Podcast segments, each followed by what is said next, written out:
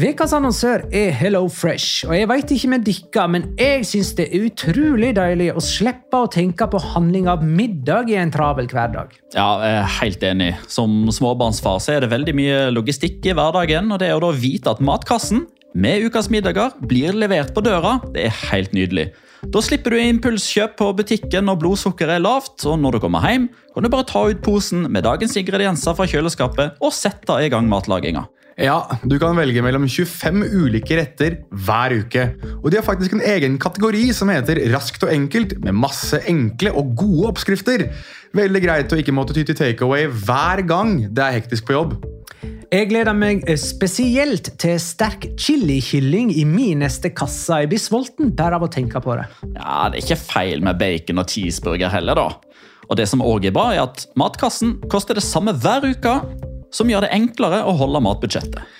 Ja, og så blir det ikke matsvinn heller, fordi du får akkurat det du trenger til hver eneste rett. Hello Fresh kan absolutt anbefales, og bruker du koden vår, LIGALOCA, kan du få opptil 1779 kroner i rabatt på de fem første matkastene hvis du ikke har prøvd Hello Fresh tidligere. Du kan også prøve koden hvis du har avslutta abonnementet ditt for tolv måneder siden eller mer. Gå inn på hellofresh.no og bruk koden LIGALOCA. Bon appétit! Hallo? Jeg kommer fra Oslo politikammer. Ine Jansen er purk. Er du purk? The motherfucking bitch. Alt jeg vil, er å finne ut hva som skjedde med mannen min. Jon Carew. Er jeg sikta for noe? Iben Akeli. Det er du. Ole So, Lars Berrum og Big Daddy Karsten. Hvem sin side er du på, egentlig? Anette Hoff, Tone Danielsen, Kommer du fra Afrika? Jørnis Josef, Nesten. Kløfta. Trond Espen Seim. Det er synd å si det, men det var feil mann som døde. Purk. Premiere tirsdag på TV2 Play.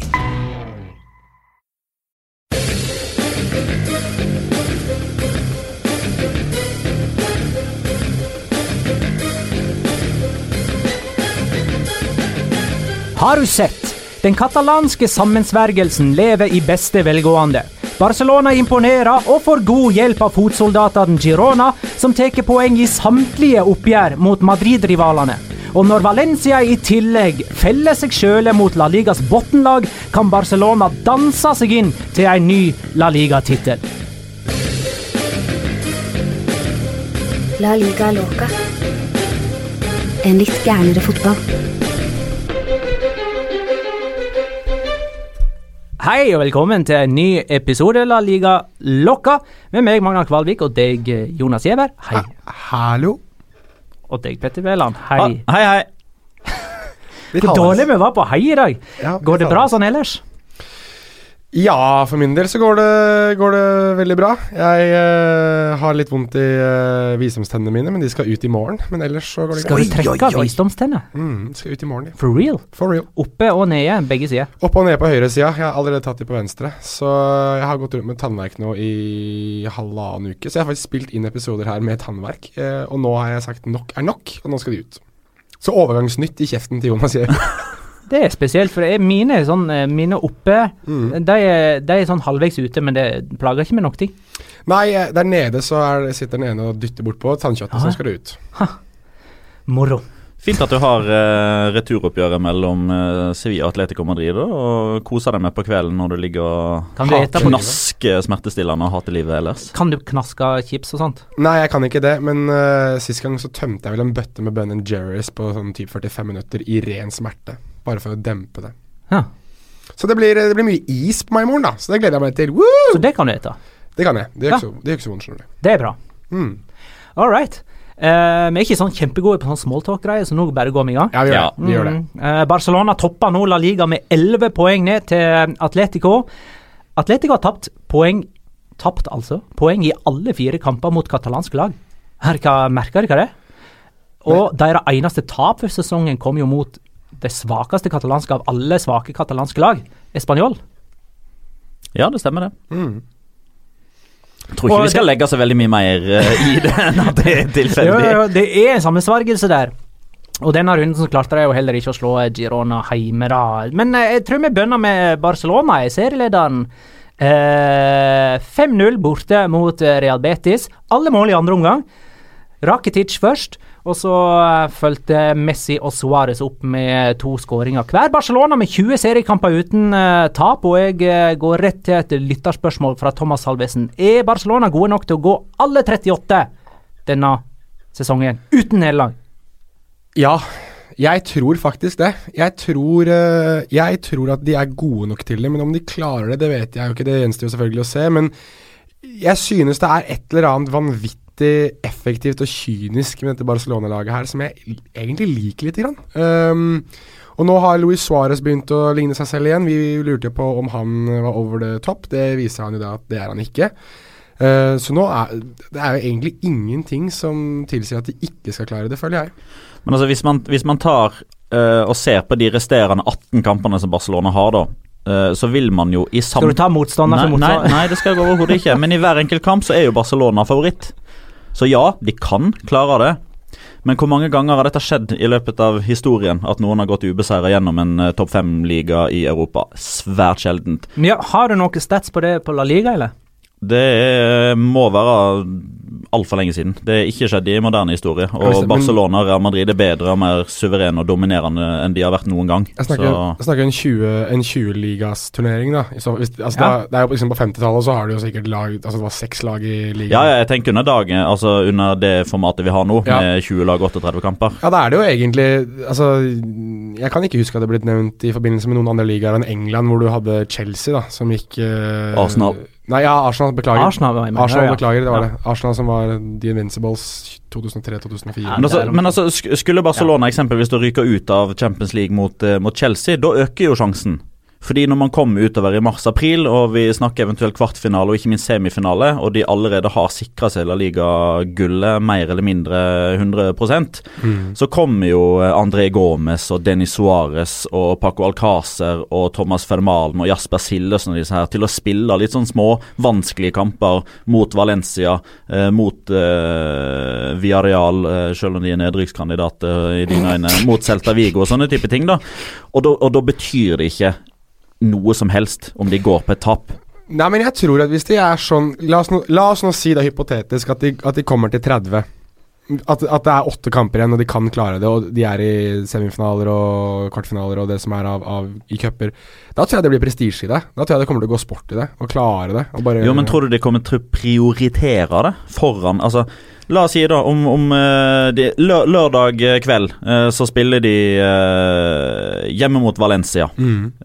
Tre dager etterpå så skal de møte Bayern München. Nei, de vant 1-0 i den første kampen på Camp Nou. De skal til Allianz Arena. Messi kommer til å spille, ikke til å spille mer enn 60 minutter. Suárez sitter kanskje på benken. Og det er det som er liksom Jo, men da kan man jo bruke. Dembélé og, og Coutinho. Disse her backup-spillerne deres som har Coutinho er kjøpt du- for flere milliarder kroner. Coutinho kommer til å spille alle kampene her, da, for han spiller jo ikke Champions League. Jo, men han alene er ikke nok til å vinne fotballkamper mot Valencia. Skal ikke han ta opp arven etter Messi? Tja, Iniesta. Men uh, han har vunnet fotballkamper alene, han. Så det Altså nesten Ja, men, eh. Jo, men for å si Det sånn da Det, det er såpass mange kamper der Barcelona ikke kommer til å stille for fullt, verken med tanke på elveren de starter, og ikke minst motivasjon. Så jeg tror ikke de kommer til å Det gå var, ubeseiret det var jo sånn med det er 08-09-sesongen òg, den første under eh, Guardiola, at de Mhm. tapte de siste i alle fall to, du- om ikke tre, kampene eh, Ja, av altså- sesongen etter at de hadde sikra tittelen. Ja, altså, og, så ser man da liksom når det begynner liksom å dra seg til på slutten av eh, tabellen, der, så er det, på slutten av sesongen så er det motstanderne som er liksom desperate etter, etter poeng. Så typ Fjerde siste serierunde så møter de Deportivo la Coronia. Som etter alle solemerker kjemper for, eh, for, for ny kontrakt. Levante i nest siste serierunde. Uh, og sånne type ting. da Så jeg, nei, jeg tror ikke de går ubeseira gjennom hele sesongen i La Liga. Josemann spør Var det Barcelona eller Real Betis det var mest forskjell på fra første til andre omgang? Altså Var dette en Real Betis-kollaps, eller var det Barcelona som bare steppa opp og tok det et uh, nivå høyere når de følte det var nødvendig? 0-0 står det jo etter pause. Veldig godt spørsmål. Eh, eller god type konklusjon. Ja. Jeg føler at det, det er litt av begge deler, men at det er Barcelona først og fremst som skal ha æren. Og jeg syns eh, Altså, han eh, reporteren som uh, jobber for Movistar Pluss, som uh, av og til òg blir med på våre sendinger i, uh, i Viasport etter kamp, som heter Ricardo Sierra. Eh, når de har El Partidato, som er hovedkampen, så er det alltid han som er pitchside-reporter, som stiller spørsmålene etterpå. Jeg er kanskje 70 ganger bedre enn alle andre til å stille interessante spørsmål, og får òg interessante svar. Og det var Ivan Rakitic som, eh, som var mannen han fikk snakka med fra Barcelona sin del. Eh, og da spørsmålet hans er liksom eh, Vær så snill, ta oss gjennom dette her. Ta en taktisk analyse av denne kampen her. Hva gjør dere i første omgang, hva gjør dere i andre omgang? Hvordan, hvordan spilte dere i denne kampen her, sånn rent mentalt osv. Og, så mm -hmm. og da sier Ivan Rakitic, Rakitic det at det, sånn som man kjenner Real Betis, så kommer de ut i 100, høyt press, ønsker å bryte langt inne på motstanders banehalvdel. Masse energi. Eh, publikumsrekord på Benito Villamarin. Det viktigste i den første omgangen for Barcelona sin del var å bare holde Betis unna.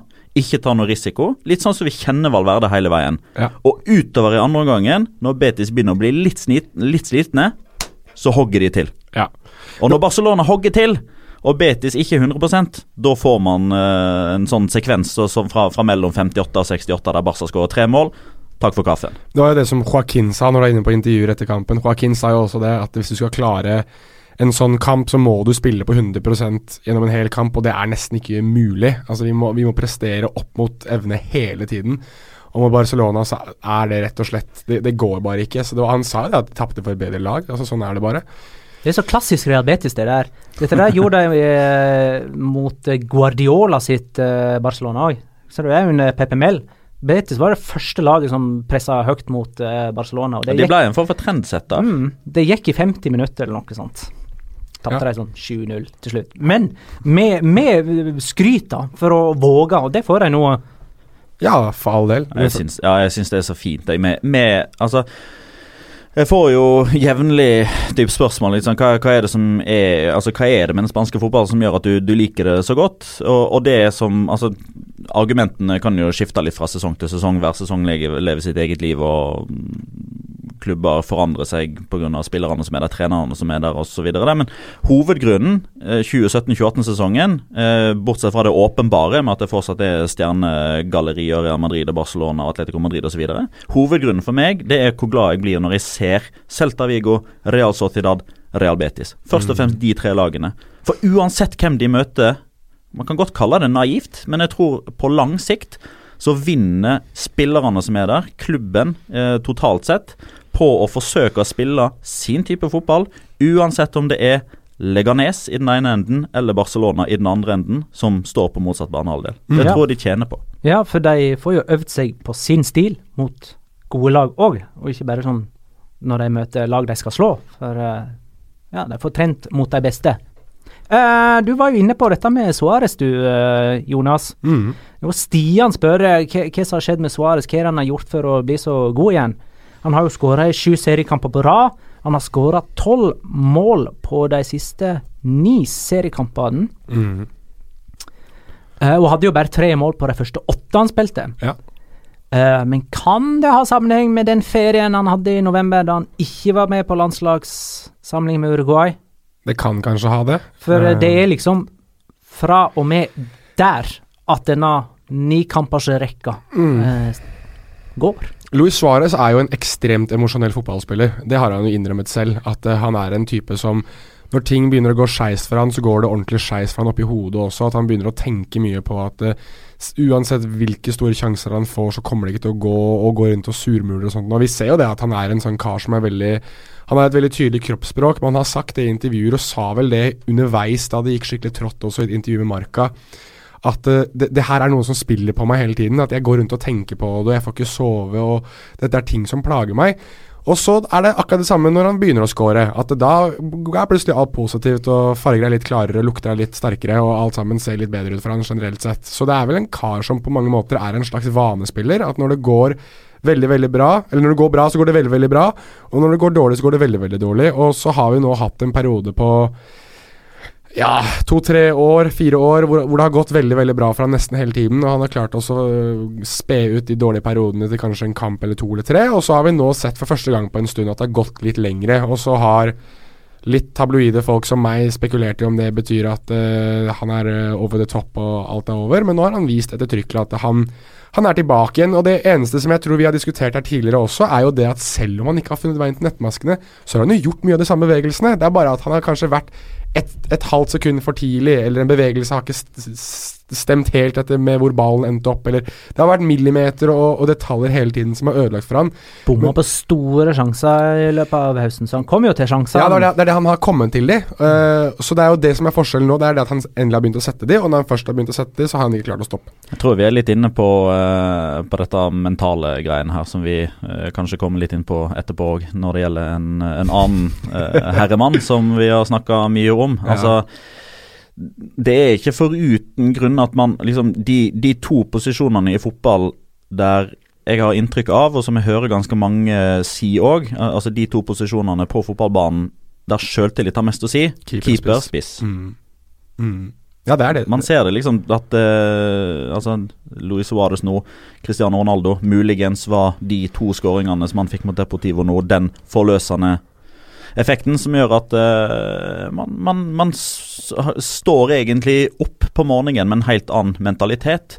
Man skaffer seg den muligheten til å aktivt komme inn igjen i flytsonen. Mm.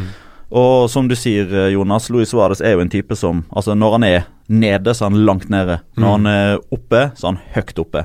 Og når han da kommer inn i disse stimene sine, da Altså, nesten alt han tar, tar i, blir til gull. Kong Midas, med andre ord. Jeg spotter jo, eh, var det i forrige episode, at han skulle være en av de to beste når gullballkåringen kommer om sånn Det mente vel du, ja? elleve måneder. Det, men jeg fikk ikke lov til å si de to jeg hadde. Så. Nei, men har du lyst til å si det?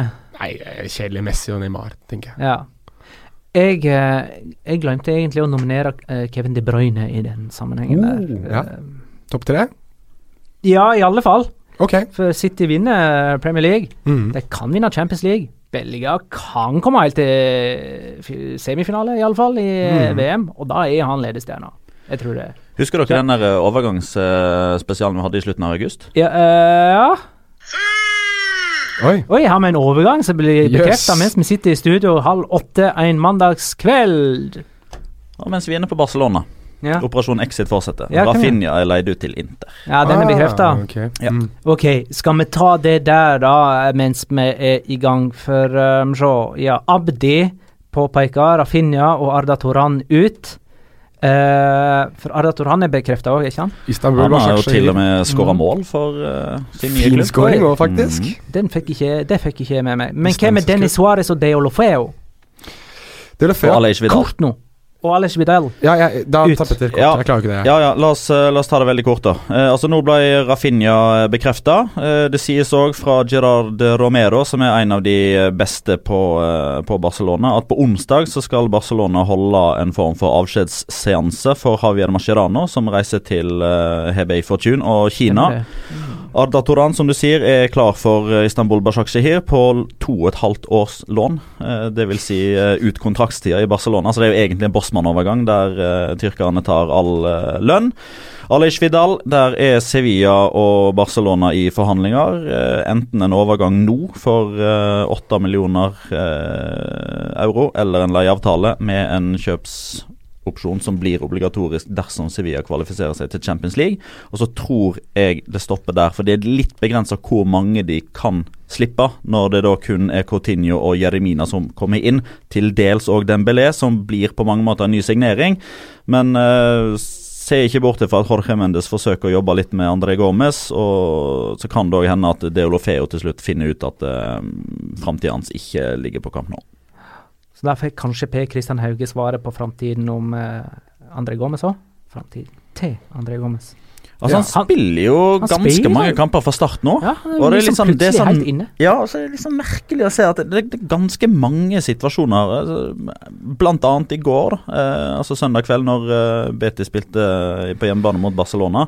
Når Messi fører ball, og fører og fører og fører og fører. Og fører og han har André Gomez som ligger tre meter til venstre for seg. Altså De løper liksom ved siden av hverandre. André Gomez har kommet på en overlapp og vil ha ball, vil ha ball, vil ha ball. Og så kommer det bualøpet til Suárez, og da slipper Messi ballen. Det var sånn godt bilde på hvor lite tillit André Gomez har innad i Barcelona-laget. da. De vil nesten ikke, de kvier seg litt til å gi ballen til han. Ja, kan, hvis du snur på det, kan det også være det at han har fått beskjed at du vet at det løpet til Suárez kommer, at du skal løpe, løpe her for å være en slags decoy. da, At du skal trekke med deg en mann. altså fordi at Du kan ikke la han gå fri uansett. altså du må jo, han tar jo, han tar jo vekk en spiller som da åpner opp en del av rommet, muligens sentralt i banen nå, så det kan jo være at han gjør en slags drittjobb òg.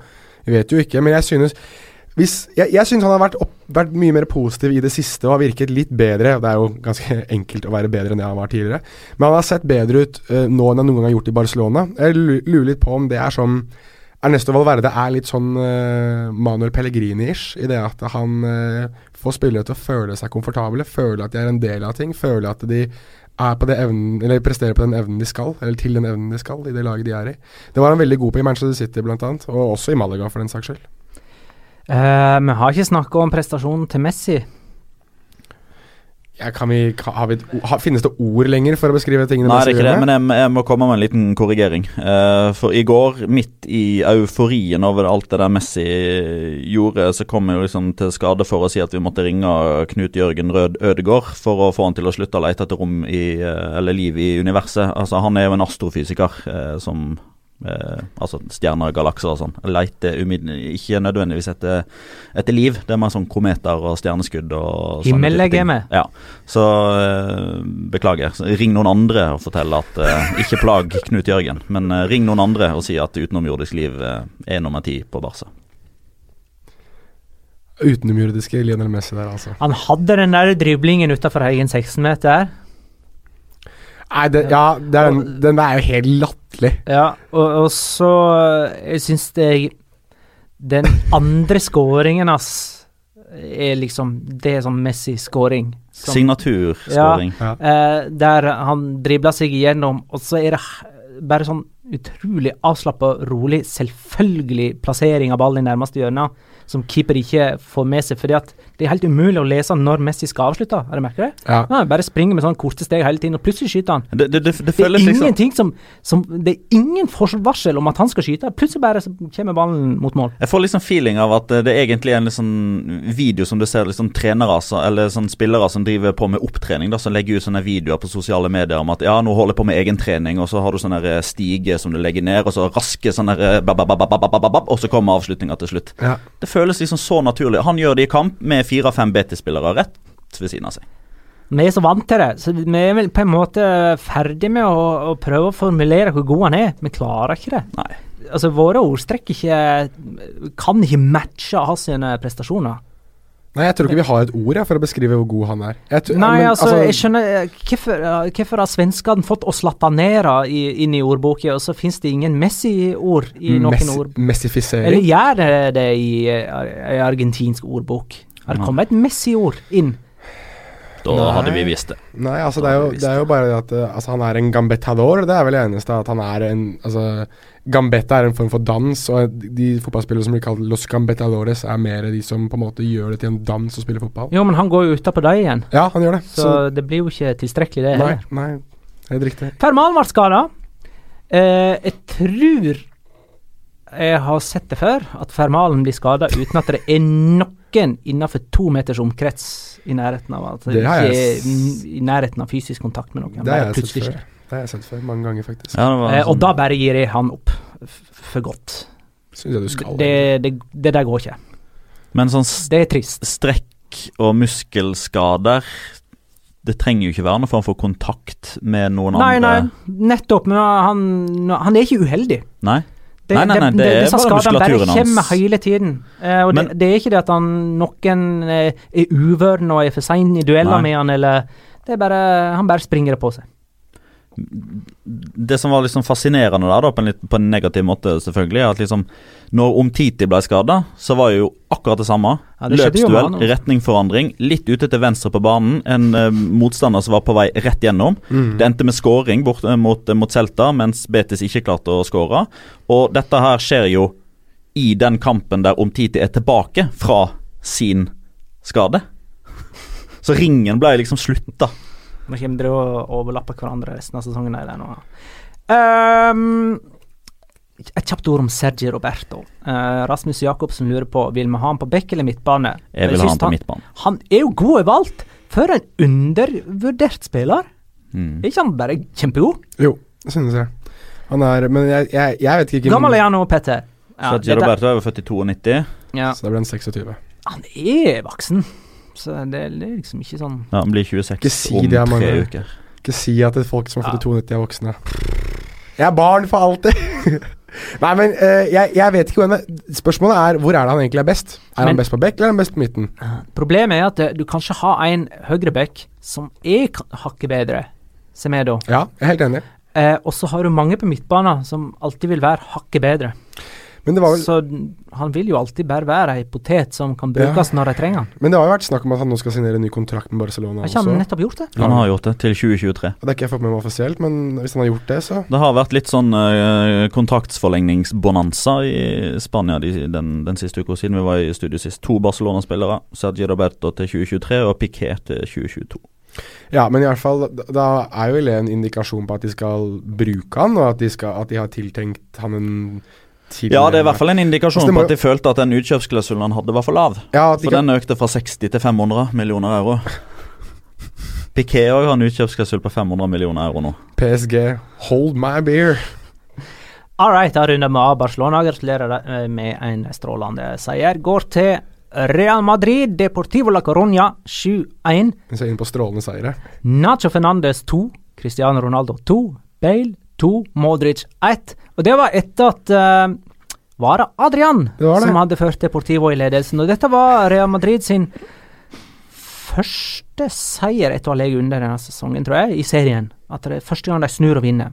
De snudde mot uh, Celta Vigo, men da endte det jo 2-1. 2-2. 2-2. Eirik Strøm Pedersen eh, spør Er Real Marie tilbake, eller er det Deportivo som er klare for Segunda? Real Marie. Jeg, jeg vet, dette er en autokorrekt, men jeg veit ikke om han har bare latt den autokorrekten stå bevisst, eller om han bare ikke la merke til det. Eirik Strøm Pedersen er jo Valencia-supporter, er eh, og kan fort tykke at Real Marie er mye morsommere enn Real Madrid. Syns Real Marie var et fint navn. ja. Spørsmålet står, men eh, er det for tidlig å si at de er tilbake, liksom? Ja, Ja, det er det jo. det er det. Man, altså Hvis man har ligget strak i to-tre måneder med influensa, så kan man ikke bli friskmeldt bare fordi man ikke har uh, nøse eller hosta i løpet av 90 minutter. I hvert fall ikke når motstanderen er som den er. Men det er klart at det, det, gir, det er jo et insentiv til Zidane og spillerne til å utnytte momentumet de fikk. Fordi Zidane var veldig klar på pressekonferansen etter kampen at dette trengte vi. Vi trengte en sånn kamp. Vi trengte en kamp der alt gikk inn. Der man føler seg igjen uovervinnelig, i alle fall eh, i 45 minutter. Der man får en veldig god opplevelse som man nå skal forsøke å bygge videre på. Ved å eh, spikre avansementet i Copa del Rey, være klar for semifinalen. Og så kommer det en ny seriekamp til, eh, til helga, der man må forsøke da igjen å få flere overbevisende seire. For én ting er at vi liksom eh, snakker om at de går på flere poengtap enn de vanligvis gjør, men de vinner òg veldig få kamper med overbevisende sifre. De siste to månedene så er det vel egentlig bare denne kampen her og hjemmekampen mot, eh, mot Sevilla i begynnelsen av eh, desember. Eller så har det vært poengtap eller seire som har, som har vært litt sånn Ja, de vant, ja. Men de imponerte ikke. Nei. Nei, jeg er enig. jeg. Jeg er helt enig. Jeg tror ikke de er tilbake, men øh, Hva skal man si? Altså, når du vinner 7-1, så er det jo flatterende uansett. Og jeg, jeg tenker jo altså, Er det det? For motstanderen så er det jo det. Flatterende? Ja, blir ikke det, da? Eller blir, tar jeg feil av det norske språk? Altså, et flatterende resultat er vel da Da vinner du gjerne mer enn hva du burde. Altså typ hvis, eh, hvis, det. hvis det er 10-10 Ja, målsjanser og Real Madrid vinner 4-0, så er det et litt Ja, men, flatterende men synes vi virkelig at Deportivo la Coronia virker De virker som de gir opp. De gir opp og når Bale skårer det andre målet sitt, så har de gitt opp. Mm. Altså, det er relativt over allerede, da, synes jeg, på 3-1. Ja. At det da blir 7-1, er hvis jeg nå forstår begrepet flatterende riktig. Nå jeg, kanskje ikke jeg gjør det, men jeg syns uansett at det lyver litt sånn med, med tanke på hvor gode Real Madrid egentlig var, og hvor gode Deportivo la Coronia egentlig var, da. ja, typ man skal ikke legge seg veldig mye i det. Ja, riktig. Men var de tilbake i 4-3-3? Jeg liker, jeg liker Bale. Jeg må si det at jeg liker, jeg liker hvordan Ok, han du kommer tilbake. om det. Kan vi ikke gjøre det? Ja. Christian Skaute lurer på Kan Bale i den formen han har vist nå, fungere som en slags vintersignering for Real Madrid? Ja, det tror jeg. jeg Han virker mer målfarlig enn Benzema og Majoral. og Ronaldo, for den saks skyld òg. Mer målfarlig enn alle bortsett fra Nacho. Nacho, som er 17-18s svar på uh, Sergio Ramos i 16-17. Han er, han er høstens svar på vårens uh, Hva blir det, Diego, Diego Riente? Men uh, holder Bale nå, da? Det er jo spørsmålet. Det er spørsmålet. Ok, spørsmål én. Holder han seg skadefri? Uh, det kan vi ikke svare på. Men eh, hvis svaret er ja, holder han denne skåringsformen? Altså holder han seg varm i trøya og like aktuell framover som han er akkurat nå? I sånne type kamper som dette her, så altså det er jo et, eh, et eh, arnested for Bale for målpoeng når han møter sånn type motstand som dette. Fordi han har, han har et venstre bein. eh, han har et, eh, en, en styrke i lufta. Eh, han har eh, en sånn type fart som gjør at på hjemmebane mot lag fra typ 7.-8.-plass og ned, spesielt på hjemmebane, så ligger liksom forholdene til rette for at en skadefri Bale skal produsere målpoeng herfra og inn i evigheten. Han er jo Ronaldo for ti år siden. Han er det. Men det som Altså det er liksom to ting som har vært eh, to påler mot Gareth Bale sitt rykte og renommé i Real Madrid. Den ene skadeproblematikken. Og Der kan ikke vi sitte i et studio i Oslo i januar 2018 og si ja, han kommer til å bli skada igjen, eller nei, han kommer ikke til å bli skada igjen. Men vi kan se på skadehistorikken hans og være ganske klar og tydelig på at risikoen er der så definitivt for at han ikke klarer å spille mange måneder på rad nå, typ ut sesongen, uten at det kommer et nytt tilbakefall. Det er den første greia å holde mot Bale. Og den andre er at han i mindre og mindre grad klarer å være en faktor, type positiv, for Real Madrid når motstanderen er veldig sterke. Ja. Med unntak av slutten av 2013-2014-sesongen, der han uh, skåra 2-1-mål i Champions League-finalen, der han ble matchvinner i Copa del Rey-finalen, der han virkelig, virkelig var god, så er det egentlig kun for Wales at han har liksom steppa up og vært the main man. Eksempelvis i EM 2016. For Real Madrid, når det har vært Atletico Madrid, når det har vært Barcelona, når det har vært Valencia, når det har vært Sevilla, når det har vært typ god motstand i, eh, i Champions League, så har han sjelden eller aldri bidratt nå de siste to-tre sesongene. Det er først og fremst fordi han aldri har vært 100% Han har vært på typ 90-95% fordi han alltid har vært på vei tilbake fra en skade. Og for å komme tilbake til 100% så må han få en viss spilletid, fordi han må komme inn i dynamikken med, med, med kampritualer og den type ting. Så det er, liksom, det er de to tingene man holder mot, men i sånne typer kamper som dette her, så er Gareth Bale på 90 mer enn nok. Ja, og det var jo han som gjorde det mot Celta Vigo òg, med de to skåringene. Og det er jo bra motstand, om enn ikke top notch motstand, da. Toppskåreren, er det ikke det? I ligaen. Ja, likt i- med Cristiano Ronaldo. Begge har seks mål. Ja, det er likt nå. Stemmer. Ronaldo fikk jo den siste der, da ble det den blodige skåringen. Som det ble. Ja, han uh, måtte se seg i telefonen og sånne ting. Ja, jeg fikk, eh, da jeg fikk tilsendt den videoen jeg satt på desken for Nettavisen, så fikk jeg tittelen av uh, Petter Vetum som sender uh, mailer fra, fra Viasport og mail, melder oss 'Blonaldo'. Da fikk han en uh, yep. Fikk han en uh, sterk melding tilbake fra meg at det er ikke lov å si. Men eh, Blonaldo skårte da og måtte sjekke seg litt i telefonen for å se om han ser like pen ut som alltid. Det er jo litt morsomt, det der. Men jeg, jeg veit ikke hva jeg skal si om det. Altså Det at han går og speiler seg sjøl og tørker blod og sånt. Jeg har ikke sett det der før i fotballsammenheng. Det er første gang. Eh, det er et eller annet med eh, Ronaldos forfengeligheten som gjør at det passer. Ja, det gjør det. Altså, Det jeg tenker tilbake Det er jo ikke likt, men altså, når vi snakker fotball-selfie under kamp, så kommer man jo ikke Totti. foruten Totti i Roma-derbyet. Men det var jo av helt andre årsaker, da. Jo, han film... Ja, ja. Han tok Ja. et bilde av eh, seg selv og Noe ganske annet. Uh, Ja, ja. Ronaldo tok ikke bilde av seg selv og publiserte det på uh, sosiale medier. Gjorde han vel? Men det er jo vel et bilde av han der han sitter og blir behandla i garderoben etterpå. Han har fått et ganske realt kutt. Ja, og ganske dypt òg, altså. Og det er veldig nære det ene øyet hans, så Fabian Scheer skal nok være litt glad for at han uh, ikke traff verre. Jeg vil ikke si, jeg vil ikke si bedre, faktisk. Jeg vil si Mm. verre. For der kunne folk gått et øye, altså. Ja. Og så er det litt sånn, altså, Jeg får jo med meg veldig mange meninger, eh, både her i Norge. Ikke så mye i media, fordi det er veldig få som ytrer seg og som, som skriver artikler og den type ting. Men på, på Twitter så er det jo ganske mange som, som mener veldig mye, eksempelvis om, om Cristiano Ronaldo. Og ikke minst i Spania så er, jo, så er det jo typ enda verre. Da drar man jo enda lenger. Jeg synes det liksom, det er et for godt tegn, dessverre, på, på hva som er viktig i fotballdebatter og, og sånn type ting. Når man i stedet for å være Altså, jeg har ikke sett noen, jeg har ikke sett noen som er positiv overfor den skåringsviljen som Cristiano Ronaldo viser der, da. Altså, det leder 5-1, og han hiver seg inn og i ytterste konsekvens risikerer å miste synet på øyet. Eh, Men det veit ikke han idet han kaster seg inn. jo, han vet at det er en risiko. Hvis han hiver seg inn her nå, så er det en risiko for at det kommer en støvel rett i trynet på han. Kjemme, den kommer i vidvinkelen, han ser ikke han.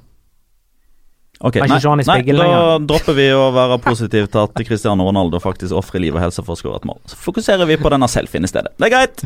Det jeg synes, det jeg synes er litt eh, Det som er litt trist, da, for å si det sånn, er de som sitter og lager vitser om at eh, Fabian Scheer utøvde alle fotballsupporters drøm om å sparke Cristiano Ronaldo i ansiktet istedenfor å hylle ham for at han skårer to mål.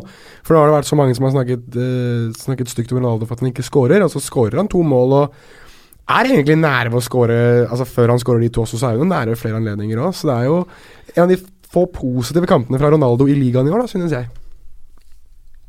Han er ikke råsterk fram til de to skåringene.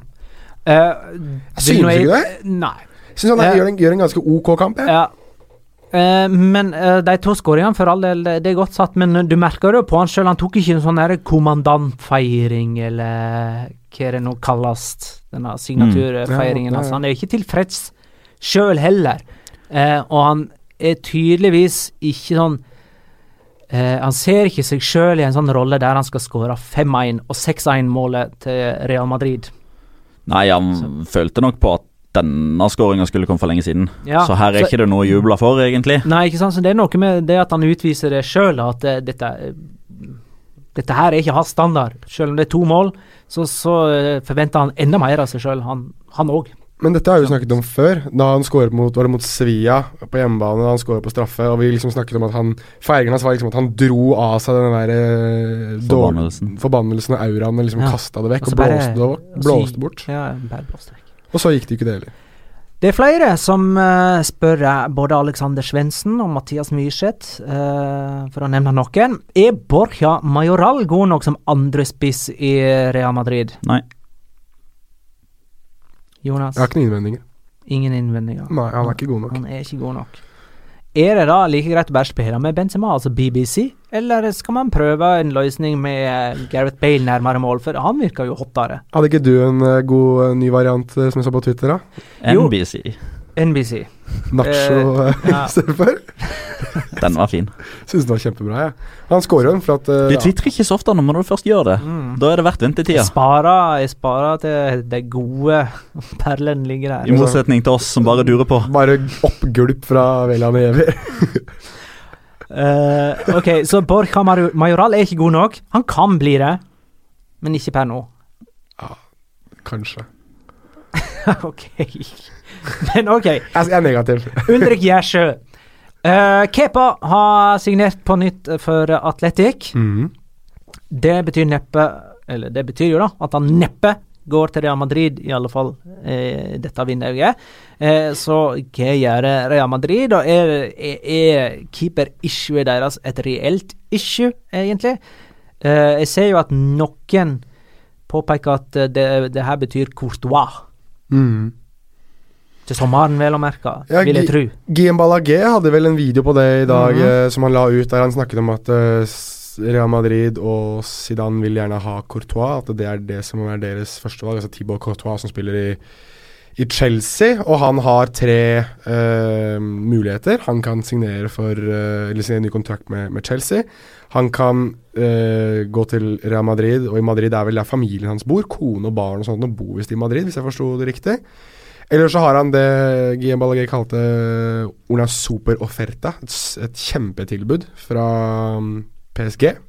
Så det er da de tre valgene Thibaut Courtois har, og han har jo vært veldig sånn diffus. Både han og Eden Hazard har vært veldig diffuse på om de kommer til å signere nye kontrakter i, i Chelsea, eller om de kommer til å bevege på seg. Så jeg blir ikke overrasket om du får en sånn dobbel uh, ganske kjempeovergangssummer som blir sendt fra Real Madrid til Chelsea for da den der belgiske duoen der. For jeg, Det har jo vært en sånn greie med at Courtois hele tiden har hatt lyst til å dra tilbake til Madrid på et eller annet punkt i sin karriere. At han har vært eid av Chelsea hele veien, og derfor så har det ikke vært Det har ikke løst seg med å bli værende i, Atletico Madrid, f.eks. Men at man på en måte alltid da hadde en slags baktanke om at det kan fort bli Real Madrid. Og når Real Madrid da sommer etter sommer etter sommer etter sommer får nei fra Manchester United eller nei fra David De Gea eller faksmaskiner går i veggen eller et eller annet skjer, så, så kan det jo være det at de nå tenker at kanskje vi bare skal prøve å hente han andre som kunne likt å spille i, i Real Madrid, og, og, egentlig ikke er så mye verre enn David De Gea uansett. Henter de, eh, skal vi si en jeg eller nei? Henter Real Madrid Courtois sommeren 2018? Jonas? Uh, nei. Petter? Han kniper. Yay. Yay! To på yay og én på nei. Ja, hvis, du, hvis, du, hvis, du, hvis, du, vrir den om til David De Gea, så sier jeg yay. Da sier jeg nei. Nei. Jeg tror bare Peres er så forelska i David De Gea. OK, vi skal straks uh, snakke mer uh, om kampene som uh, fant sted denne helga, men uh, først dette. Ukens La Liga Locura. Locura. Locura. Locura. La Liga Locura. Ja, vanligvis er det jo sånn at vi leverer tre stykk Locoras eh, etter ei helg. Vi har én hver, men denne gangen så er vi rimelig samstemte om hva som er ukas La Liga Locora. For hvis Catalonia er på vei ut av Spania, så er Saudi-Arabia på vei inn. Saudi-arabiske spillere har nå signert lånekontrakter med La Liga. Og da sier jeg La Liga, eh, for det er serien og ikke nødvendigvis klubbene. Disse eh, saudiarabiske spillerne har bare blitt kasta rundt på ulike klubber som bare må ta imot, eh, sånn som jeg oppfatter det. Så da er spørsmålet Skal vi nyansere litt? What the fuck, fuck fuck er det som eh, skjer? Ja, Vi får nyansere litt, da. Men eh, jeg ble jo litt eh, blåst av banen sjøl i går. Jeg skal innrømme det, når det plutselig bare dunka inn den ene offentliggjøringen etter den andre. Eh, vi snakker en eh, nasjon som ikke er full av eh, La Liga-historikk fra tidligere. Faktisk så er det ingen som har spilt i La Liga tidligere fra Saudi-Arabia. Ei heller på nivå to. Den første på nivå tre var i 2015-2016-sesongen. Så det er jo nye bekjentskaper her. Det som er greia òg, er at uh, i Saudi-Arabia så har man i ganske mange måneder nå jobba tett opp mot mange forskjellige ligaer, deriblant uh, La Liga. Uh, I et forsøk på å få sine saudi-arabiske landslagsspillere til å spille i Europa på et høyere nivå inn mot VM, for å sørge for at de skal bli så konkurransedyktige som overhodet mulig. Det som skjer da, er at La Liga gjennom General Sports Authority of Saudi-Arabia, det saudi-arabiske fotballforbundet og La Liga har da blitt enige om Dette ble de enige om i oktober i Portugal, om at ja, dette gjør vi, men vi gjør det ikke på Eller vi, vi, vi gjør det ikke automatisk eller uansett. alle La Liga-klubbene, samtlige 20, alle 22 Segunda-klubber var involvert i prosessen. De fikk lov til å si ja, de fikk lov til å si nei. Eh, Til sammen da sju klubber valgte å takke ja til en avtale der man får to millioner euro for å leie da en saudi-arabisk spiller fra en saudi-arabisk klubb. Dette får de da betalt for av La Liga, og i tillegg så får de sponsoravtaler på kjøpet. Eh, det som da skjer, er at de Vi får ta de La Liga-klubbene, nå. Det, det, er jo mest interessant. Det er Levante, Leganes og Villarreal. De var de tre klubbene som takka ja, og de tre siste månedene så har de hatt flere speidere i Saudi-Arabia som har sett alle seriekamper, eh, landslagssamlinger etc. for å få oversikt over spillere og har valgt spesifikt den og den og den ut ifra de kriteriene de sjøl mener er typ, det de trenger. Så Eksempelvis har Levante valgt en offensiv spiller fordi de sliter med å skåre mål. Uh, hva, heter, hva, heter, han for noe, Peter? Han heter Fahad Al-Mowalad. Var det de som annonserte sin Nei, det var Sporting.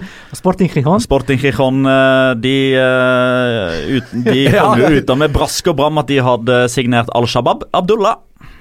Uh, de som ikke kjenner til historien her, da, problemet er jo her at Al Shabaab var klubben som de leide Abdullah fra. Det Designert en hel klubb, det syns jeg var moro. Hvem var det Hva var det som hadde Det var en klubb som ehm, la ut en sånn gif av sånn der konstant trykking på FM, sånn update-knapp. Ja, det var en eh, klubb på nivå fire. Dere kan slutte å trykke FM, vi har ikke signert noen fra Saudi-Arabia. Ja. det som hadde lagt ut det? Det må jeg nesten se om jeg finner. Jeg tror det var Teruel eller noe, eh, Men noe sånt. så det, Lagreo. dette Lagreo. er den nye butikken, eh, og formen for butikk, og eh, kombinert med formen for å spille seg i form. Det at man låner spillere fra et land, altså kollektivt lån fra et land, eh, mot eh, kjempebetaling, i stedet for at man faktisk betaler for det. Mm. Er det noen som er på lån med obligatorisk kjøp? Nei. Det, det er det ikke. Det, dette er ut, ut 2017-2018-sesongen. Og det er ikke men, men, men, men, men, eh, men la oss si da at eh, Jahia Al-Sheri, som er leid ut til Leganes Tenk hvis han plutselig er kjempegod, så kan det hende at Leganes har lyst til å gjøre denne avtalen permanent. Kan vi, ikke, kan vi ikke ta Det er tre Men spillere eh, som skal til La Liga. Alexander Pettersen spør nemlig om det er opsjon her eh, på noen. Veit vi det? Altså, Eh, det, det er ikke nei, det- obligatorisk. Nei, nei, Det er det ikke, men de har eh, helt åpenbart muligheten til å eh, sikre seg disse spillerne her over en lengre periode. Det som dog er viktig å si, fordi det, det var det ganske mange som spurte om, og egentlig bare sånn typ tok for gitt. Det er veldig mange solide kilder, og da er jeg såpass naiv at jeg tror ikke at alle disse gode kildene er kjøpt og betalt. Jeg tror de har integritet, og at de gjør jobben sin ordentlig. Ifølge disse mange gode kildene så er det ingen klausuler om at disse spillerne skal spille så og så mange kamper. De blir behandla på lik linje som alle andre. Er de ikke gode nok, så er de ikke gode nok. Det er vel snakk om at de skal inn Altså Det er vel i første omgang at de skal ha en treningshverdag og en spillehverdag som, som matcher opp mot noe av det de, de muligens må møte i et VM. Nå har ikke Saudi-Arabia spilt VM siden 2006. Åh, Var- var- ja, der tok du meg på sengen. For å uh, nei, jeg husker ikke selv, men jeg lurer på om ikke de var med da. Men i hvert fall så De har ikke spilt uh, VM på lang tid, og sikkert da vært litt utenfor eh, det, det gode selskapet i så måte. Og da tenker jeg jo det at de sikkert har lyst til Ja, de var i gruppespill 2006 for øvrig. Um, de har sikkert lyst til å ha, en, ha spillere som har vært i en treningshverdag og i en ligaspillshverdag som matcher noe av det de skal spille i. At de vil liksom ikke være en kasteball. Så det er jo det er, det er litt uh, Det gir meg litt dårlig smak i munnen at de har gjort det, men samtidig så skjønner jeg jo landslaget, og hvis de har muligheten til å gjøre det, så skjønner jeg jo også eh, fotballforbundets eh, ansvar, og at de gjør, de gjør det de kan for å kanskje markedsføre seg selv som fotballnasjon også. Så det er helt greit sånn sett, men jeg tenker det at hvis Saudi-Arabia som spiller i VM kan gjøre det, da syns jeg nesten at vi i Norge burde vurdere å kanskje inngå et uh, fellesskap med La Liga. Men- men- Vi har jo oljepenger vi òg. Ja, det er det jeg mener. Men eh, altså, jeg, jeg liker jo ikke dette her. Jeg syns ikke dette her er måten man skal gjøre det på. Eh, altså, Jeg er ikke den som går først i korstoget mot den moderne fotballen og alt dette her. Det, det gjør andre på en forbilledlig måte, så der trenger ikke jeg blande meg inn. Men akkurat dette jeg synes det er, litt, det er litt sånn på kanten. Og så er det jo òg Det er jo ikke det første signalet eh, i denne retningen her man ser. Eh, man hadde vel òg i Portugal der eh, kinesiske Mm. spillere og trenere var inn, og det var en sånn type kollektivavtale. Man hadde litt tilsvarende i Tyskland. Eh, Der var det vel òg Kina, med, med trenerutveksling. et- Eller det var vel et alders, aldersbestemt kinesisk landslag som skulle inn og spille i serien, litt nede i divisjonssystemene, men kampene der skulle ikke telle på tabellen og, og litt sånn type ting. Så det, det er ikke første gangen noe sånt som dette her skjer. Og, og det er typ, For hver sånn avtale som dette her som går igjennom, jo mer fantasi får jo eh, sånne land som, som Kina, som Saudi-Arabia, som har behov for å eksponere seg sjøl og sine. Og dette fortsetter. dette fortsetter. Dette er bare enda et steg Man, man i den Man ser det jo eh, i, i England òg, bare i en helt, på, på en helt annen måte. Med at det er eh, eiere fra Thailand, fra mange land i, i, i Midtøsten etc. Det mm, bare på en annen måte. Det er vel sønnen av prinsen av Brunei som har, eh, som har eh, Eller har vel, er vel kaptein for andrelaget i Leicester eller noe sånt. Nå. Han er verdens rikeste fotballspiller, men du har aldri hørt om han. Og så er han sønnen av prinsen av Brunei eller noe sånt. Nå. Men skal vi kanskje, kanskje gå gjennom hvem disse tre her er, da? Synes jeg. Det er kanskje greit å nevne hvem, litt hvem de er. Er det bare tre som kommer i den øverste Tre i? La Liga. Ja, ok. Ta det kjapt. Ja, den, eh, Han som har gått til Leganes, heter uh, Yaya Al-Sheheri. Han er uh, ifølge Wikipedia, det er det eneste jeg kan be belage meg på her, han er 1,64 høy. Uh, han er offensiv midtbanespiller. Han spiller til vanlig i Al-Nasser og har 41 kamper og 6 landslagsmål for Saudi-Arabia. Han er debuterte da i 2009. Eh, Levante har sikret seg Fad al-Mualad. Og det er han som visstnok er Coop eh, her. Ok, så han er visstnok ja, Han spiller for Al-Itihad, og det er, et, er en Det er et godt lag. Det er et lag som gjerne spiller klubb-VM, som man ser til uh, ser i ny og ne i, i internasjonal sammenheng.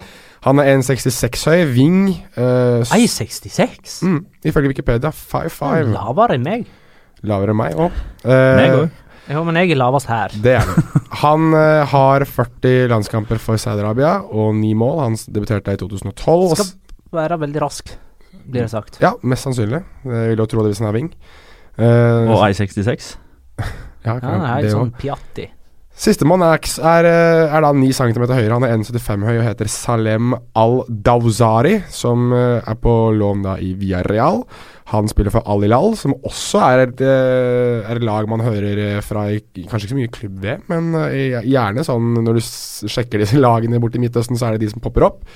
Han har 26 landskamper for Saudi-Arabia og fire mål, landslagsdebut i 2011. Så det er da de tre araberne som tar turen fra Saudi-Arabia til Spania og La Liga. Da er det på tide at vi snakker litt om Valencia. Det syns jeg. Som tapte borte mot Las Palmas 2-1. De leda 1-0 etter skåring av Santimina, som kunne ha dobla ledelsen kort tid senere. Det klarte han ikke. Og så skåra Viera til 1-1, og så var det vel Cajeri? Var det? Kaleri. Caleri? Er det bare 1-1, eller? Nei, det er to, men han er argentinsk. Han er så på samme måte som Rulli og Pellegrini. Så det er litt ja. sånn uh, italiensk eh, opphav der, kanskje. Correcto mundo. Ja. Ehm, er Valencia rundens store skuffelse, eller? Eh, jeg vet at Deportivo tapte 7-1, og at Real Betis tapte 5-0 hjemme, men likevel, liksom. Ja, nei, det er ikke Det er jo ikke noe mer å si det enn at de er den store skuffelsen. Nå øh, starter de jo Jeg synes det laget de starter med, er litt sånn Ja, det er mange som lurer på uh, dette. Um, Svenne Gunner, for eksempel. Er det liksom Copa del Rey-kampen mot Alaves kommende onsdag som er prioriteringen her, siden Jeg det var så roteringsprega, dette laget? Jeg ser ingen annen grunn enn at Marcelino mener at i det kampklimaet som er nå, eller med det kampprogrammet de har, eh, med Las Palmas borte, som, som da typ var tabelljumbo og latterliggjort av alle, eh, senest av eh, Girona og Valencia med 0-10 mål forskjell, at det var den enkleste kampen. Nå har de bortekamp mot Alaves, der det er en semifinalebillett som ligger i potten. Real Madrid kommer på besøk eh, førstkommende helg. Eh, klarer de brasene mot Alaves, som jo da er planen og intensjonen til Valencia, så skal de spille semifinale i cupen om syv-åtte dager. Så helt åpenbart at eh, dette her var et, et, et forsøk, et spett forsøk på å ta tre poeng på en eh, hjemmebane der man uh, regna med at man ikke skulle få all verdens motstand. Man forsøkte å spare seg til tre poeng, men i stedet for så sparte man seg til fant. For eh, nå tar jeg ikke feil, sant, når jeg nevner følgende spillere som ikke starta. Gedes, Sasa, Mhm. Soler, Mhm. Parejo, Garay, Vietto, Gaia, Morillo, kan du Morillo. De er oppe i åtte. Andreas Pereira nevnte han.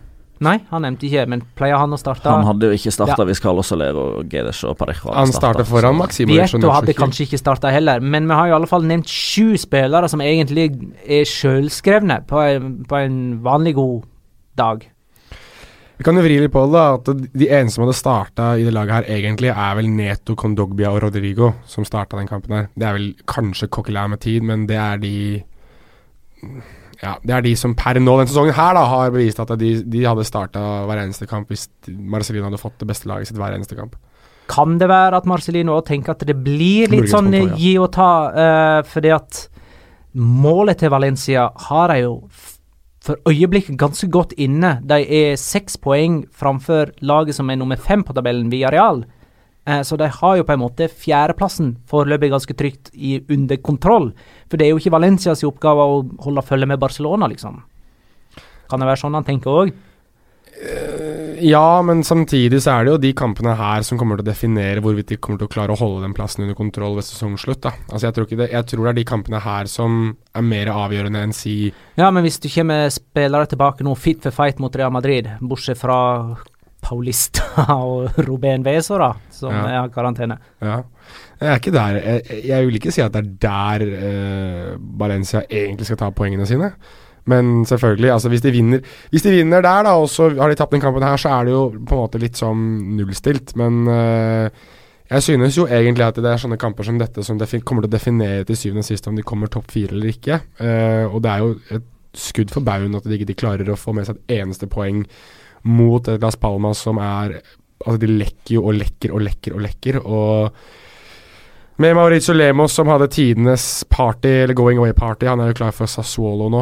eh, og lå og sprelte rundt på banen mer enn noen gang i sin Liga-karriere. Ble pepa av banen eh, når det gikk til pause, og kom ikke ut igjen etter pause. At vi mente på et tidspunkt, og du er med på det her du òg, mener at han hadde høyt potensial. ass. Det, det, det, gikk, det gikk ikke bra, men, Men- vi, vi begge mente det. Tommy Welde mener at uh, Valencia bare har to-tre forsvarere som holder La Liga-nivå. Kanskje tre, da. Garay, Morillo, Gaia. Er Ja. det rykte om at noen skal inn der? Nei. Det var liksom Gabriel Paulista og that's it. Mm. Ja. Da spørs det hvor mye den roteringen egentlig Har han, får, får han noe Jeg vet ikke om noen, noen av dere har sett det, får han noe ekstra kamper for å hyle på dommeren? Nei. Ja vel. Uh, I tillegg til at, Rea- at uh, Real Madrid da kommer på besøk til Mestalla nå til helga, så er Atletico Madrid uh, motstander på Metropolitano helga etter der igjen. Så de to neste seriekampene til eh, Valencia er de to nærmeste rivalene deres på tabellen. Og der er det jo, det er jo altså Risikoen er jo derfor at de kan gå tre kamper av med null poeng. da Veldig stor risiko for det. Status Loic Remis. Ser vi på Las Palmas her, mener jeg. Der snakker man om at det, det er blitt enige at Las Palmas og Levante er enige om, eh, om et lån. Eh, der skal det visst dreie seg om at Remis selv ikke er helt sikker på om det er det han vil. Eh, og det synes jeg er helt tullete, for det, alle vil at Remi skal bli i La Liga. Det vil egentlig Remi òg, han må bare finne ut av det selv. Og så skal han dunke inn fem mål for Levante, slik at jeg får meg en kasse med øl på slutten av sesongen av Petter Wæland. Så vi får håpe at uh, Får håpe, for i all seriøshet, så Han er jo en attraksjon og en morsom fotballspiller å se på, så vi får håpe at han velger å bli i, eh, i La Liga og spille sammen med Hvem var det de ble enige at det var? Var det Fahad al-Mowalad som ja. skal eh, vet, det, det, er det er han som holder remis ut av laget i, i Levante, altså. Han, han, han skårer, Han der uh, Saudi-Araberen Han skåra visstnok for Saudi-Arabia mot Japan i den siste eh, VM-kvalikkampen, han, og det skal ha vært ei beauty. Så kanskje folk har lyst til å sjekke det på YouTube hvis det ligger der. Da gleder jeg meg til duoen al-Mowalad Remi. Vi går videre nå til Atletico Madrid, Uh, som bare klarte 1-1 hjemme mot eh, Girona. Nok en gang så gir de fra seg eh, ledelse. Hvor mange ganger har de gjort det nå? Jeg har, det, det burde jeg sjekke opp før. Uh, Chelsea hjemme, ja. Sevilla jeg tror- hjemme Jeg tror ikke vi har tid til å gå gjennom alt, altså. ja, Det er de tre. er Chelsea det bare de tre? På hjemmebane. Atletico Madrid, Sevilla og Atletico Madrid Girona. Ah, Tre på hjemmebane. Ja, ok, men det er flere totalt, tror jeg. Leder ikke de mot Barcelona òg? Leder 1-0 mot uh, Barcelona på hjemmebane. Nei, det er flere enn dette. Du klarer ikke å ta det i hodet. Men de klarer ikke å avgjøre kamper, er det det som er problemet? Altså, De gir jo både Altså, de gir motstandere både tru på og håp om at de kan få med seg poeng i, i sånne oppgjør der Atletico bare leder med ett mål, og det er bare å pushe på og gi alt på slutten. Ja, men det har vi snakket om før, om at det, det har du gjort en del ganger tidligere. Men, men i tidligere år så har du jo også egentlig gjort det, men da har bare forsvarsprestasjonene vært så solide at vi har egentlig sittet og hyllet dem for at ja, men de skårer eh, ett mål, og så er kampen egentlig over. Det er det jo eh, det er, Petter viser sju ganger at eh, de har gitt bort uh, ledelse og endt uavgjort eller Litt mer de tre vi begynte med her. Ja, i hvert fall så, så Nå mistet jeg litt train of thought her, men uh, uansett så synes jeg det at uh, Atletico Madrid mister mye av intensiteten sin når de bytter ut begge spissene sine. Og etter det så blir de egentlig bare liggende bakpå og forsvare og forsvare og forsvare. Og så er det en hodeløs klarering av Cocky inn i boks igjen. Den skal du klarere enten ut på sidelinja Ja, det var dårlig. Eh, Enten ut på sidelinja eller til corner, og så forsvarer du den corneren. Hvorfor skal du inn igjen i boks der? Det er akkurat sånn som eh, Vi skal sikkert snakke om Alaves og Leganes litt etterpå også. Alexis gjorde akkurat det samme for, eh, for Alaves der, i den kampen der. Hodeløse klareringer inn i boks igjen. Kelk det ut. Forsvar corneren. Enkelt og greit. Istedenfor så gir du bort sjanser, og gir bort mål og poeng. Det var en spesiell skåring det Atletico hadde òg, for øvrig. Husker du han? Ja, det, ja, det stemmer. Ja, ja, Lempa inn til inn, eh, til Costa, som Mm. eh, var helt innholdskeeper og hedda i støtte. og Både Costa og Grismann og Var ikke det én til Atletico-spiller der inne som de hadde liksom hele femmeteren for seg sjøl? Var det kanskje det? I alle fall de to, da. Ja. Men eh, altså, eh, dette er kanskje min egen kjepphest, men skal ikke keeper i det minste ha gult kort for å, å det overfallet? Ja, skal det. Og er Samme det måte som eh, vi, vi så det jo òg i Lyon PSG.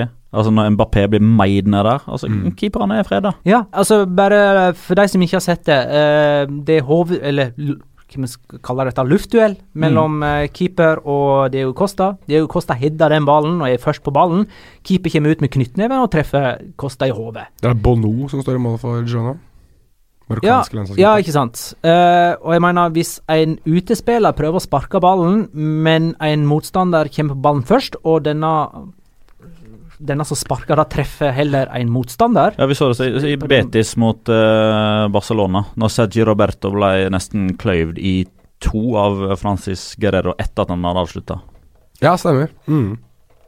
Ja, og da skjedde det ingenting, eller? Nei, nei, nei, ingenting. Nei, nei, Ah. han fikk jo skutt. Ja, ikke sant. Det der òg. Det er litt- det er typ det som er argumentet. da Ja, men vi fikk jo avslutta. Ja, det er jo Det er en annen kjeppes. Det er en annen sak. Når Jo, men det er angripere litt får det samme avslutta og når blir det- felt etterpå, ja. så, så blir ikke det gjort noe med det. Og når keepere kommer ut med, med knyttneve og treffer motstandere, så blir det heller ikke gjort noe med det. Mm. Eh, det der er helt på kant til, til rødt, spør du meg. Eh, det ble ikke gult engang. Ja, ja. Eh, vi får vel ta eh, runden litt mer sånn generelt. Hvis de ikke har noe mer spesielt de har lyst til å si om Atletico. Ja, en liten hyllest til uh, Porto, Ja, Som, for eh, Girona der. Altså. som nå er oppe i åtte mål denne sesongen. Valencia-gutt som ikke fikk helt eh, tilliten der, som virkelig nå har, sammen med Christian Stuani, Det, er ditt fått et ordentlig kult uh, samarbeid. det er blitt ditt kjærlag, det, i år, uh, Girona. Jeg liker Girona veldig godt. Du har blitt litt sånn forelska i Jeg ligger på niendeplass, da. Det er lett å la seg sjarmere. Jeg, Ja, anbef jeg- anbefaler virkelig å lese eh, den teksten som Sid Lowe har skrevet for The Guardian nå. Det Mm. handler om Girona denne gangen. Han skrev jo en etter første runde der det var 2-2 mellom Atletico og Girona. Og så skrev han òg om Girona når de slo Real Madrid i oktober eller november. Ja. Har vi sånne forelskelser Har du fått det i år, eh, Magnar? Sånn lag som du bare blir Som du ikke tidligere egentlig har tenkt så mye på, men hver gang du ser dem i år, så blir du bare litt glad av å se dem spille fotball? Jeg har vel ikke hatt den følelsen sånn skikkelig siden Eibar kom opp. Forståelig, det. Jeg Så jeg tror på en måte Eibar tok den der. Uh, sånn at Girona er på en måte uh, egentlig nye Eibar, sånn sett. Har den- Eibar har jo holdt seg jo Jeg har den følelsen med, med Getafe. Jeg vet ikke Jeg blir bare glad. Nå tror du er den eneste i verden. Ja, men det er bare noe sånn kynisk gøy med det laget som jeg sitter og smiler hver gang de spiller fotball. Det er ikke, man kan godt si at, det, at jeg kanskje ikke vet hva god fotball er, men jeg, jeg kan godt være, være ærlig på at jeg syns ikke at de spiller god fotball, men det funker, og det får meg til å le og smile hver gang. Vi får ta eh, resten av eh, runden litt sånn eh, steg for steg nå. Det er spilt ni kamper så langt denne runden her. Ingen oppgjør er enda 0-0. Jeg med Eibar Malaga heller ikke enda 0-0. Det er bare tre heimelag som har klart å vinne. Jeg regner med Eibar eh, blir det fjerde. Og det har blitt delt ut ni straffespark på disse ni kampene. Eh, godt poengtert av eh, Sindre Mergendal, som, eh, som å poengtere at eh, disse ni straffesparkene er fordelt på, på fem kamper. Ja. Eh, for det ble f.eks. tre straffespark i Getafe Atletic. Men aller først La Liga Loca finstuderer. Nordin Amrabat. Alaves Leganes 2-2. Alaves leder 2-0 etter skåringa av Monir og Pedraza. Og så satte Leganes inn eh, Nordin Amrabat, og dermed så reduserte Gabriel Perez. Og så utligna Joseba Saldoa til 2-2. Ja, nei eh, Amrabat kommer jo innpå og vinner eh,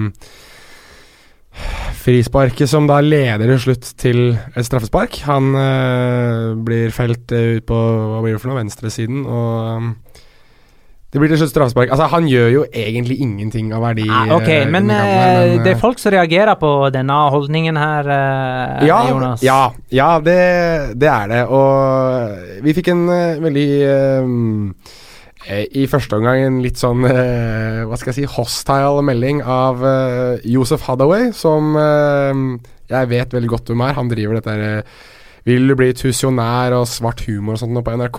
Han er egentlig ganske morsom, synes jeg. Eh, og litt gøy, fordi vi begge to er eh, da norskmarokkanere. Eh, så jeg eh, så meldingen og eh, humret litt for meg selv, og da fikk jeg beskjed om at den, denne heksejakten på Norden Rabatt må slutte, ellers blir det heksejakt på meg. Eh, og da må jeg bare si at den heksejakten den eh, ønsker jeg hjertelig velkommen, for det her er en hjertesak uh, for meg. Han eh, men vi, vi, som det ble poengtert av den som svarer på våre meldinger på La Liga Loca-Facebooken, at det er en slags uh, hat-elsk-greie der. Og for de som ikke skjønner det, det var en som poengterte veldig fint på eh, VG Diskusjon, som jeg ble, ble vist for meg. At det var en som tok meg veldig på kornet. For han sa det at jeg tror ikke at det er det at Jonas nødvendigvis hater Nordin Amrabat, men det er tydelig at han på et eller annet tidspunkt har hatt så store forhåpninger til han, og så blitt skuffet så mange ganger, at de forhåpningene har blitt i en sånn evig hat-elsk-forhold. Og det er sånn det er. Jeg vil veldig gjerne at han gjør det bra, men jeg er så klar på at han kommer til å gjøre det dårlig, at nesten alt han gjør blir dårlig uansett, inntil han scorer hat trick og vinner VM for Marokko. Og det skjer til sommeren. Hvilket forhold er du i ferd med å bygge opp uh, vedrørende Gudetti? Jeg synes Gudetti er morsom, ja. Jeg synes han eh, Og så synes jeg det er eh, det, når, han, når han først Han har jo da en målgivende, og er jo også den som er For Alaves. For Alaves uh, til, til Monir, som er en uh, liksom morsom situasjon, hvor uh, han river seg løs fra Siovas, og så vinker linjedommeren noe vanvittig. Så stopper Siovas og ser på dommerne. Skal du ikke blåse? Og dommerne her er det fordel, la han gå. Og så spiller han inn til Moni, som setter inn 1-0, og så er det Gudetti vel som har skuddet som reddes av Cuellar, før Pedraza setter inn 2-0. Eh, og han er jo også involvert i, i 1-2-målet, for det er jo han som henser, men det er jo strengt tatt en ganske Veldig vanskelig å se om det er rett på brystet, eller om det er armen som Ja. står litt ut. Men det morsomme, synes jeg, med det, er det at uh, Nå må jeg sjekke for jeg er helt sikker. At scoringen til uh, Gabriel Pires kommer i det 75. minutt. Eh, mens John Gudetti byttes ut i det 78. minutt. Da kontinuerlig i 3-4 minutter så har John Gudetti gått rundt på banen og fortalt alle at den traff meg i brystet. Ja, og, og vis Og tatoveringen han har opp- eh, her, Ja, som litt, typ, på hadde litt sånn ballmerke. Så var liksom, Dro det var, ned drakta for å vise at her er jeg rød. Da han ble tatt av banen, så skulle han fortelle til fjerdedommer at det var ikke straffen, traff meg i brystet. Og, og Abelardo skulle høre at det skulle ikke vært straffe. Og alle skulle høre fra John Gudetti at det ikke var, eh, var straffe. Og I tillegg så ble han da også applaudert og hyllet av banen av alle Alaves-supporterne, så der har de fått seg en liten kulthelt. Så det er jo veldig moro for våre De har rett og slett fått bror. et spisspar nå som utfyller hverandre veldig bra. Jeg er litt usikker på om vi skal kalle dem for eh, John El Hadaddi eller Monir El Godetti. Hva er kulest? John El Hadaddi. John El Hadaddi. John Hooser Daddy. Retafe Atletic 2-2. Um, eh, oh, Inyaki Williams skåra igjen en flott kalkulert lobb på heil volley. Det er, var det bare jeg som fikk Marco van Basten-assosiasjoner, eller? 1988? Ah, denne Ja, her er enda var- bedre. Han gjør det ikke med vilje, det er greit, men den var nydelig! Jo, jo, jo, ja, var nydelig. og uh, sikkert greit for Atletic og at de har fått uh, sikra seg kepa, for uh, når eh, Iago Ererin eh, s- får slå seg løs, da eh, kan det gå i alle mulige retninger. Han lagde to straffer. eh, og ett av dem, eh, der felte han både medspiller og motstander i ett. Det er ikke ofte man ser. Han redda for øvrig den ene straffen. Han var jo helt bajas i den kampen. Det var tre straffespark som sagt i den kampen. Molina både skåra og bomma for Getafe, mens Real Garcia skåra på straffe for eh, Atletic. Español Sevilla 0-3. Vasques, Sarabia og Moriel skåra for Sevilla. Hei, dette er andre gang denne sesongen at Sevilla spiller tre bortekamper på rad i løpet av ei lita uke. Ja. Husker du det når de tapte mot Atletic, Spartak Moskva og Valencia? Stemmer det. Dette er den andre perioden der de, har en sånn uh, greie. Uh, men nå har de jo seier både mot Atletico i uh, Copa del Rey på Metropolitano og Español på El Prat. Eller hva det heter, Power Ocho. Nå er det RCDE Stadium. ja, det, det er det, ja. Det endrer seg uh, ny og ne der. Nei, jeg synes, det er, jeg synes også det var litt morsomt at eh, Eller morsomt og morsomt. Jeg synes det var interessant at eh, Vincenzo Montella også valgte å stille med de få han kanskje kjente fra Serie A. Uh, Ever Banega spilte jo i Inter, Fra Franco Vasques i Palermo, Luis Muriel i Sampdoria, i Odinese. Uh, valgte spillere som han tilsynelatende kjenner, uh, spillere han kanskje visste hva sto litt mer for, og også Steven Nsonsi tilbake i laget. Eh, så det er uh, interessant at han virker som han har en litt sånn eh, han, har, han har jo åpenbart en annen tilnærming enn det Eduardo Berizzo hadde, men jeg, visste, trodde, jeg trodde ikke og visste ikke at det kom til å være så forskjellig. Uh, men, men det virker. 3-0 er kjempebra, det. Og Kike Sanchez Flores hadde vel kanskje håpet at han tok den jobben i Stoke likevel. Peder Alsaker spør om det er noe nytt om Sander Berge. Nei. Skada ennå, vel. Uh, Han skulle Er egentlig helt ikke få Montella interessert? Altså, ikke personlig interessert. Altså, dette Sander Berge til Sevilla er typ det, det, Sevilla-interesse. Ja, Sevilla-interessen eh, kom eh, i utgangspunktet fra Oscar Arias og eh, Monchi i sin tid og José Castro. Og Eduardo Berizzo ga raskt tommel opp og sa at dette vil han gjerne være med på, fordi han hadde sett han sjøl i aksjon. Eh, Celta Vigo spilte jo mot Genk, eh, så han så jo Sanderberget i to kamper der, i februar eller mars, eller når det var. Men ting endrer seg når uh, ny trener kommer inn, og de første to ukene da, så var Montella veldig lite sugen på å høre om alternativer utenifra. Han fokuserte på, uh, på treningsfeltet for å se hva han hadde, uh, som vi var inne på. Ny trener, plutselig er Steven Unsonsi inne i varmen igjen. Den beefen han hadde var åpenbart klart mest med Berizzo, så når han forsvant, så var det på mange måter fritt leide for å få franskmannen tilbake igjen. Så da er én behovet for en eh, sentral midtbanespiller ikke så stort lenger. Og punkt B eh, Montella må jo da åpenbart eh, gi grønt lys før man eventuelt går inn på. Men med åtte-ni dager igjen av overgangsvinduet, så, så ser det ikke ut som at det skjer noe nå. Men dersom Sander forblir i Genk, om det ikke er noen andre klubber som kommer inn på slutten og på mange måter kupper, eh, så kommer den interessen til å vedvare. Og så kommer de til å prøve igjen til sommeren. Det har vært en interessant uh, uke, kan vi si, da, for nordmenn og La Liga. Sånn, altså Hvis vi ser bort fra Sander Berge, så er det jo to andre som har vært uh, i hvert fall rykta til La Liga-klubber. Og den ene er jo signert for ny klubb. Altså Ola Kamara skal jo ha hatt et uh, tilbud uh, i, i La Liga som uh, han takket da nei til for å spille i LA Galaxy. Og så har det vært ryktet at uh, Berzan Selina, ja, jeg regner ham fortsatt som nordmann, selv om han spiller for Kosovo, han har jo også vært rykta til i hvert fall Jeg leste Spanjol, var det jeg leste? Han Jeg veit ikke. Ja, Girona pga. den Manchester Ja, City-linken. nemlig. ja, kanskje det, de kanskje det jeg leste. Ja, i hvert fall han har vært de, Så det er jo virker som at det norske markedet plutselig uh, interesserer. Og så leste jeg vel i dag i VG at uh, Moi Elunussi er tilgjengelig for 30 millioner euro, så de som har lyst til å spunke ut det, må jo Det er jo bare å cashe ut, det. Villarreal til 2-1. To straffespark der òg. Trigero skåra for uh, Villarreal på straffe. Roger Marti, er det riktig å si? Eller er Roger. Roger Marti skåra for Levante. I tillegg så skåra Cheryshev for uh, Villarreal, sånn at det ble eh, 2-1. Det så så vondt ut! To Men, eh, stolpetreff av Castillejo. Ja, og Og Cheryshev. Cheryshev Ja. traff stolpen med hofta si.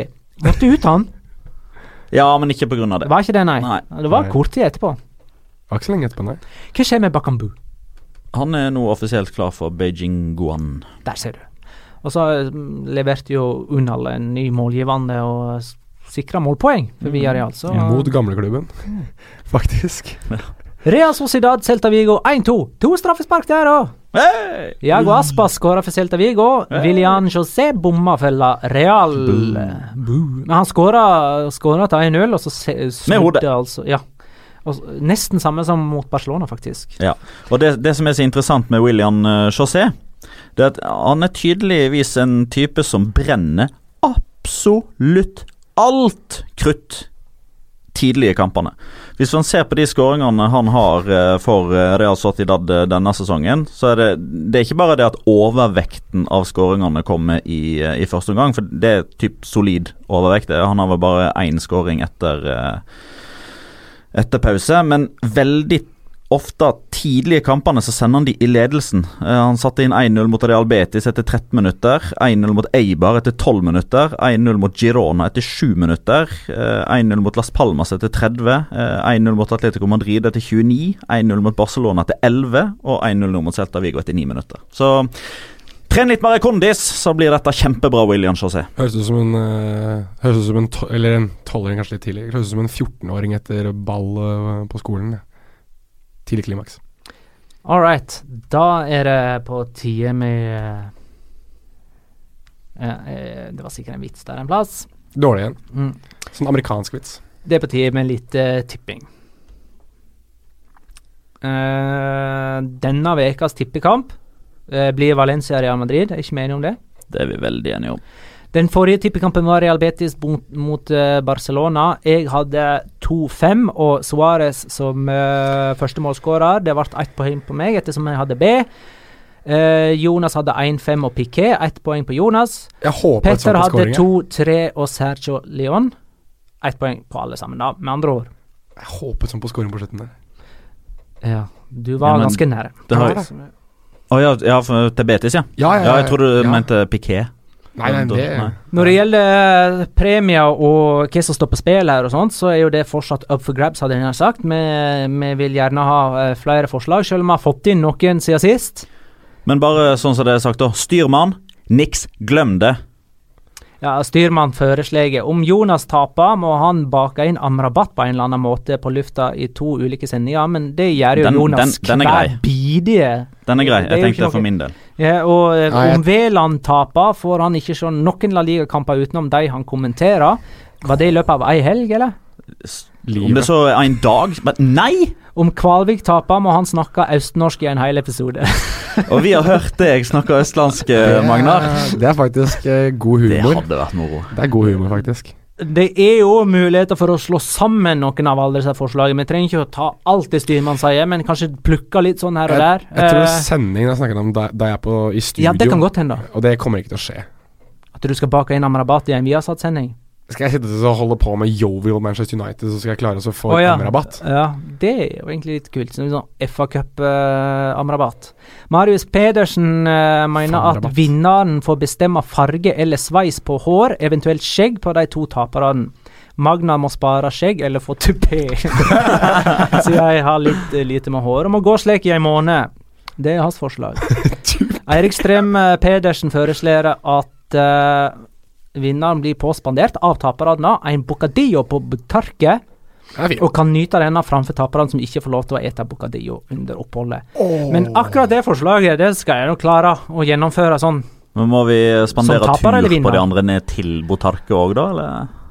Uh, ja, skal vi spandere må, Eirik, må vi legge ut penger her òg, eh, eller får vi denne turen av deg?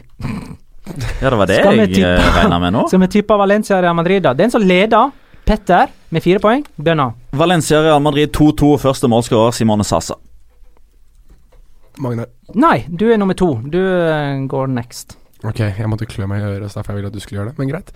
Uh, ja, det er på mista, ja. Skal vi se. Da sier jeg to Tre. Første målskårer Gath Bale. Ai, ai, ai. Ja, jeg sier null. 2 og Gareth Bale. Er Petter den eneste som har gjort? Det, det er liksom sånn make or break-runde, føler jeg nesten nå, da. Ja, det er, jo bare, det er jo bare 17 serierunder igjen, da. Ja, du treffer jo på alt annet, så det Ingen tror på heimeseier. Hmm. Hmm.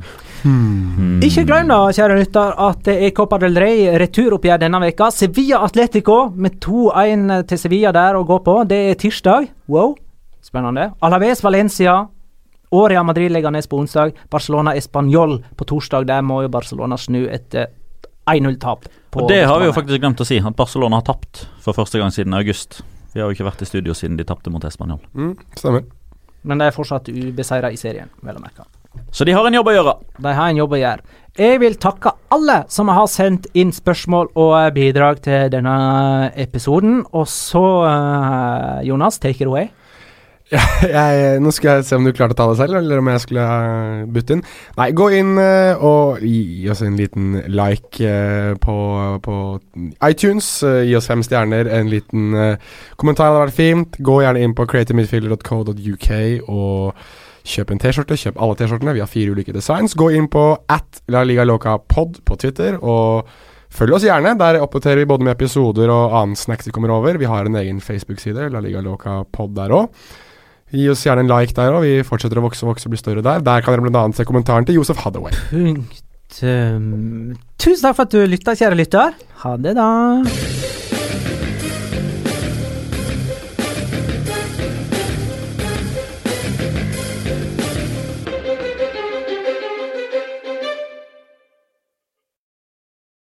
Har du et enkeltpersonforetak eller en liten bedrift? Da er du sikkert lei av å høre meg snakke om hvor enkelt det er med kvitteringer og bilag i fiken, så vi eh, gir oss her, vi. Fordi vi liker enkelt. Fiken superenkelt regnskap.